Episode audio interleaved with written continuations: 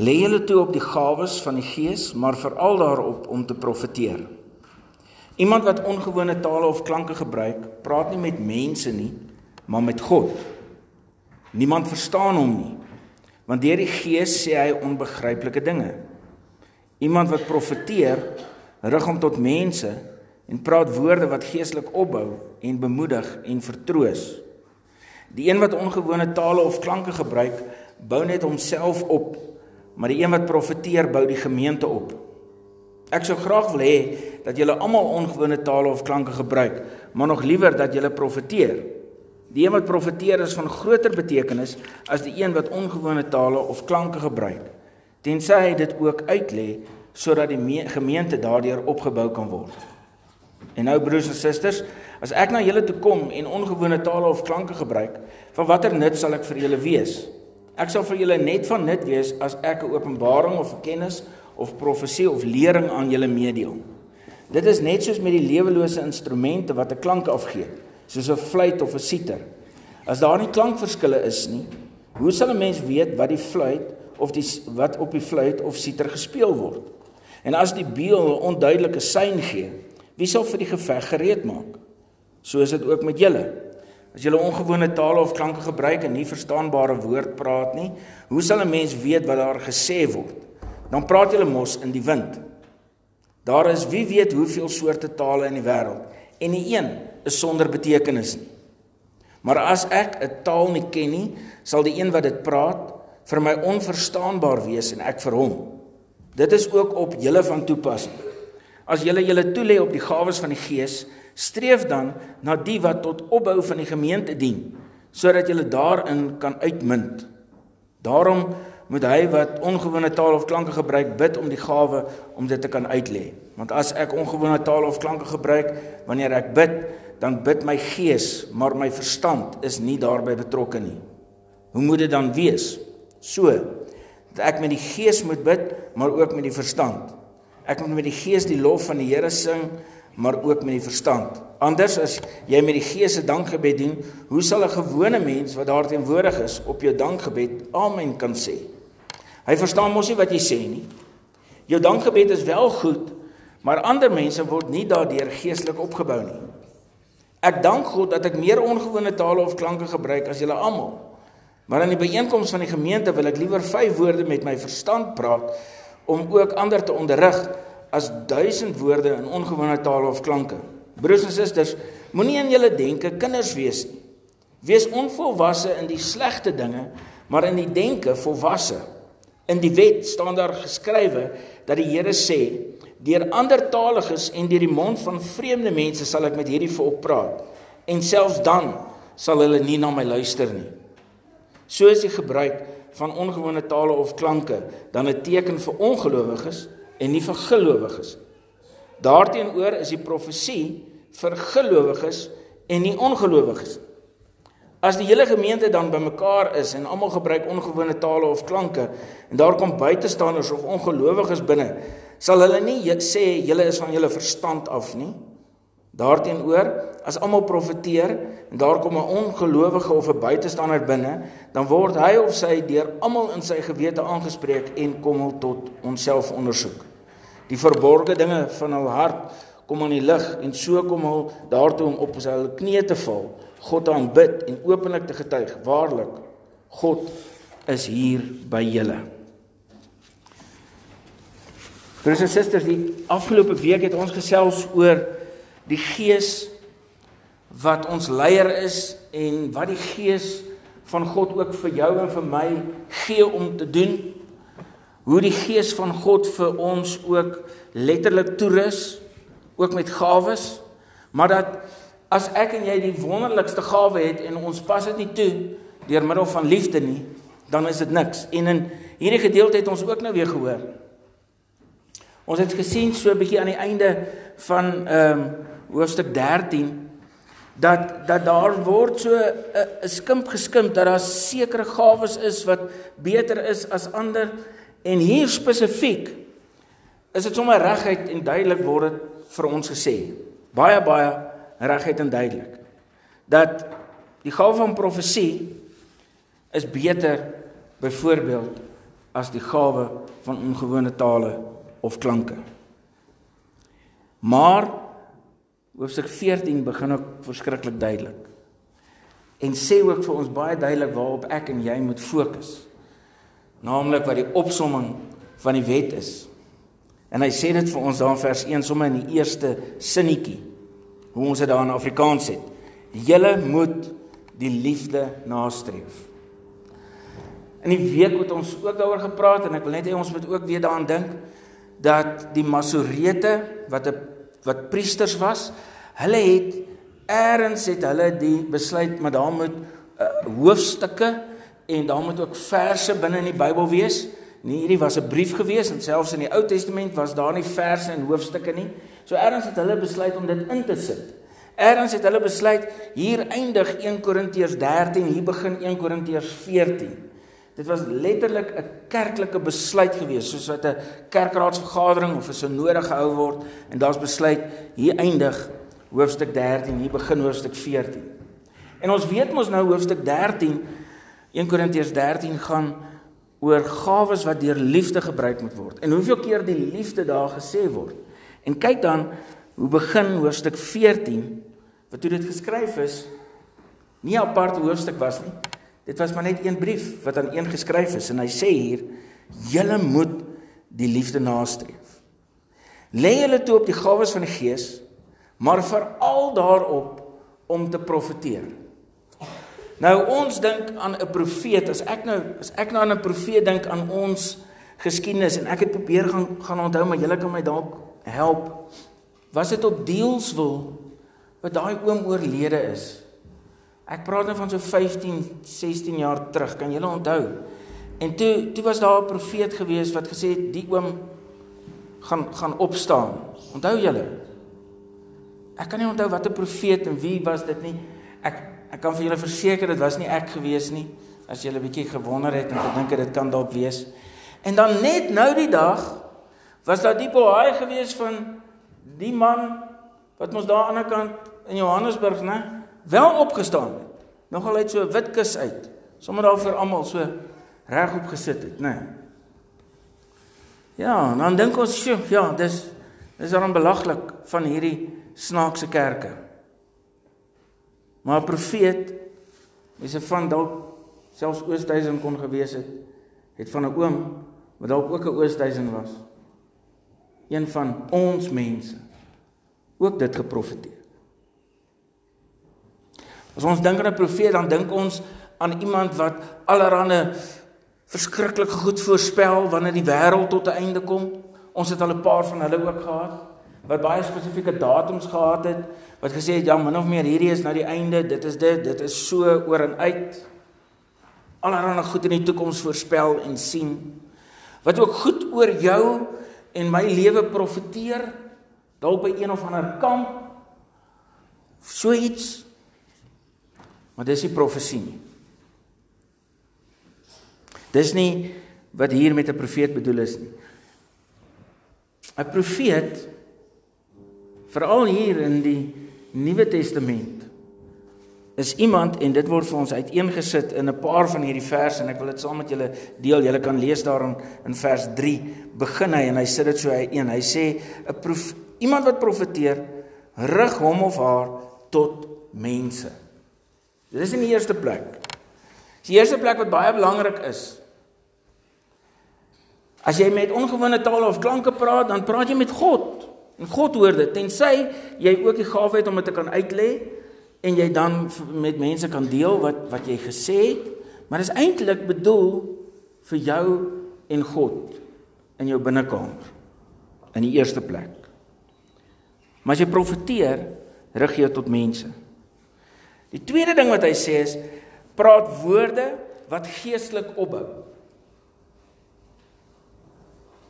'n Profeet is met iemand wat met mense praat en ander mense praat en nadat hy of sy met jou gepraat het, dan voel jy beter, nie banger nie. So baie belangrike baie lange belangrike verskil.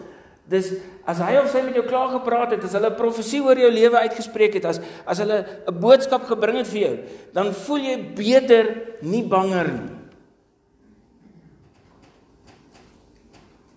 Jy word geestelik opgebou, nie afgebreek. Derde, praat woorde wat bemoedig. En vierde, troos. En hierdie tema en dit waaroor ons so gepreek het, die skrifgedeelte het ek verlede jaar September al vasgelê. Daar sê word eenvoudig gesê aan die einde van vers van vers 3 dit bou die gemeente op. Woorde van 'n profeet bou die gemeente op. Breek nie af nie. Woorde van 'n profeet bring mense saam. Bou troos, bemoedig. Maak jou moedig en nie bang nie. Dit maak nie seer nie. Dis ook op van julle van toepassing vers 12 as julle julle toelê op die gawes van die Gees streef dan na die wat tot opbou van die gemeente dien. En so moet ek en jy ook onderskei. Daar's klomp gawes van die Gees en dit lyk asof elkeen ten minste een het.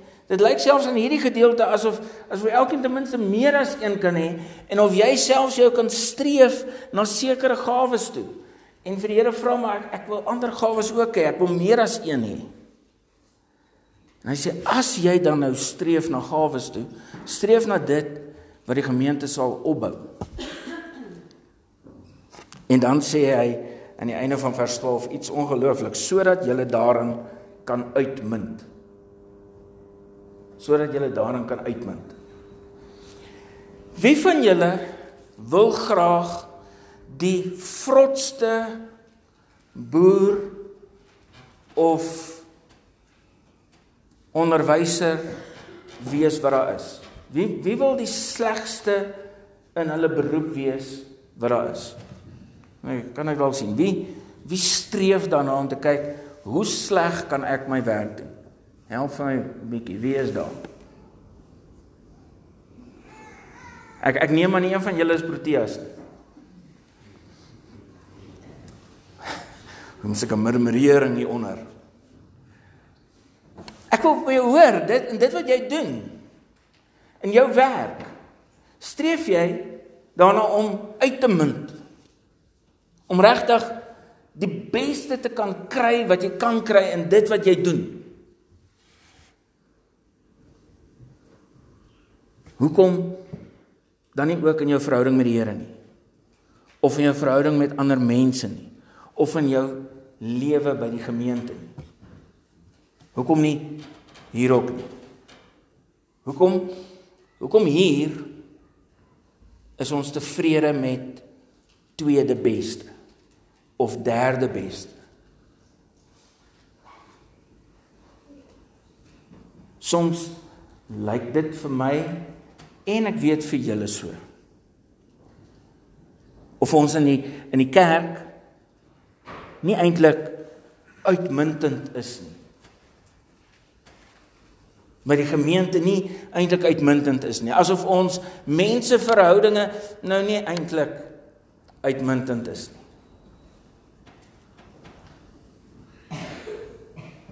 Maar ons sal baie moeite doen om iemand van buite af te kry om honderde kilometers te ry om te kom kyk na my besigheid, na my boerdery en vir my raad te gee, vir my te sê hier so en hier nie so nie. Ons sal van die duurste dinge gebruik maak om die werk so goed as moontlik te doen. Ons wil die beste oes afval. Ek wil die beste in my werk lewer. Maar wanneer ons hier as 'n gemeente en 'n gemeenskap 'n verskil as kinders van die Here moet waak? Hoeveel is ek en jy bereid om van onsself te gee? Hoeveel? Hoeveel is jy bereid om werklik te gee. Vers 24 sê daarteenoor as almal profeteer en daar kom 'n ongelowige of buitestander binne, dan word hy of sy deur almal in sy gewete aangespreek en kom hy tot selfondersoek. En die woorde wat daardie buitestander dan sal sê, waarlik God is hier by julle. Hoekom laat ons binne in die gemeente mekaar twyfel of God by ons is? Hoekom laat ons menseverhoudinge, die manier hoe ons met mekaar werk, die manier hoe die wêreld met ons werk en hoe ons reageer, hoe ons optree, hoe ons dinge doen, Hoekom laat dit my en jou twyfel of iemand 'n kind van die Here is, soos 'n kind van die Here leef? Hoekom? Kan ek en jy wanneer ons met mekaar te doen het sê waarlik God is hier by ons.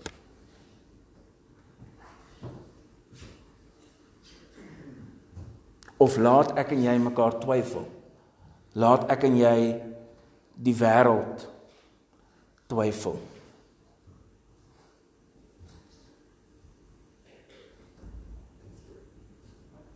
My en jou manier van doen, manier van leef bou dit op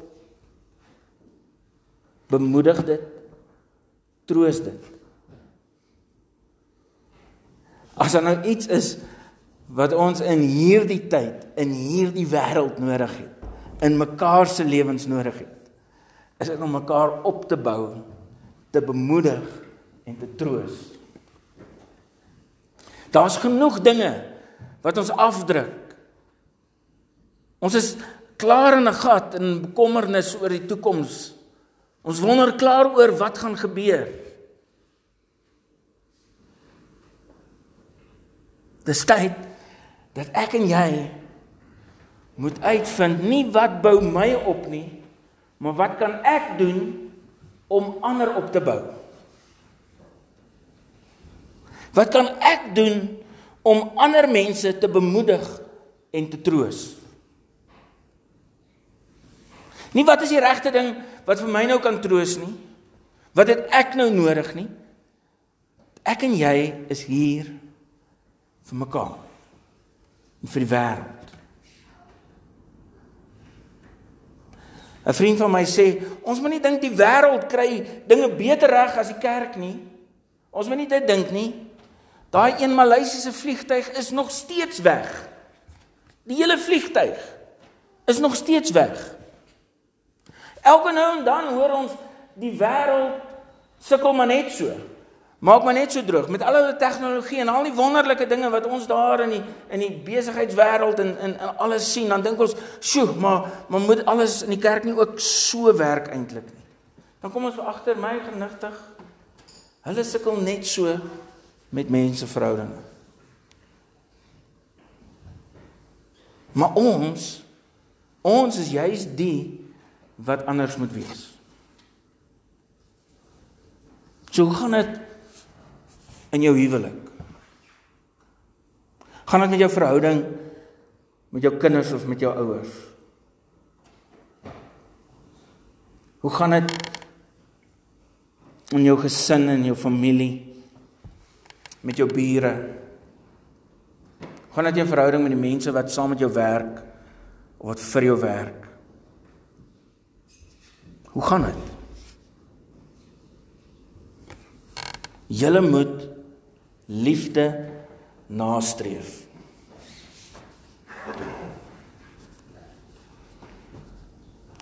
As almal profeteer en dan kom 'n ongelowige of 'n buitestander. En ons streef liefde na en ons profeteer woorde van bemoediging, van troos en opbou. Dan sal daardie persoon deur die Heilige Gees aangespreek word in hul hart.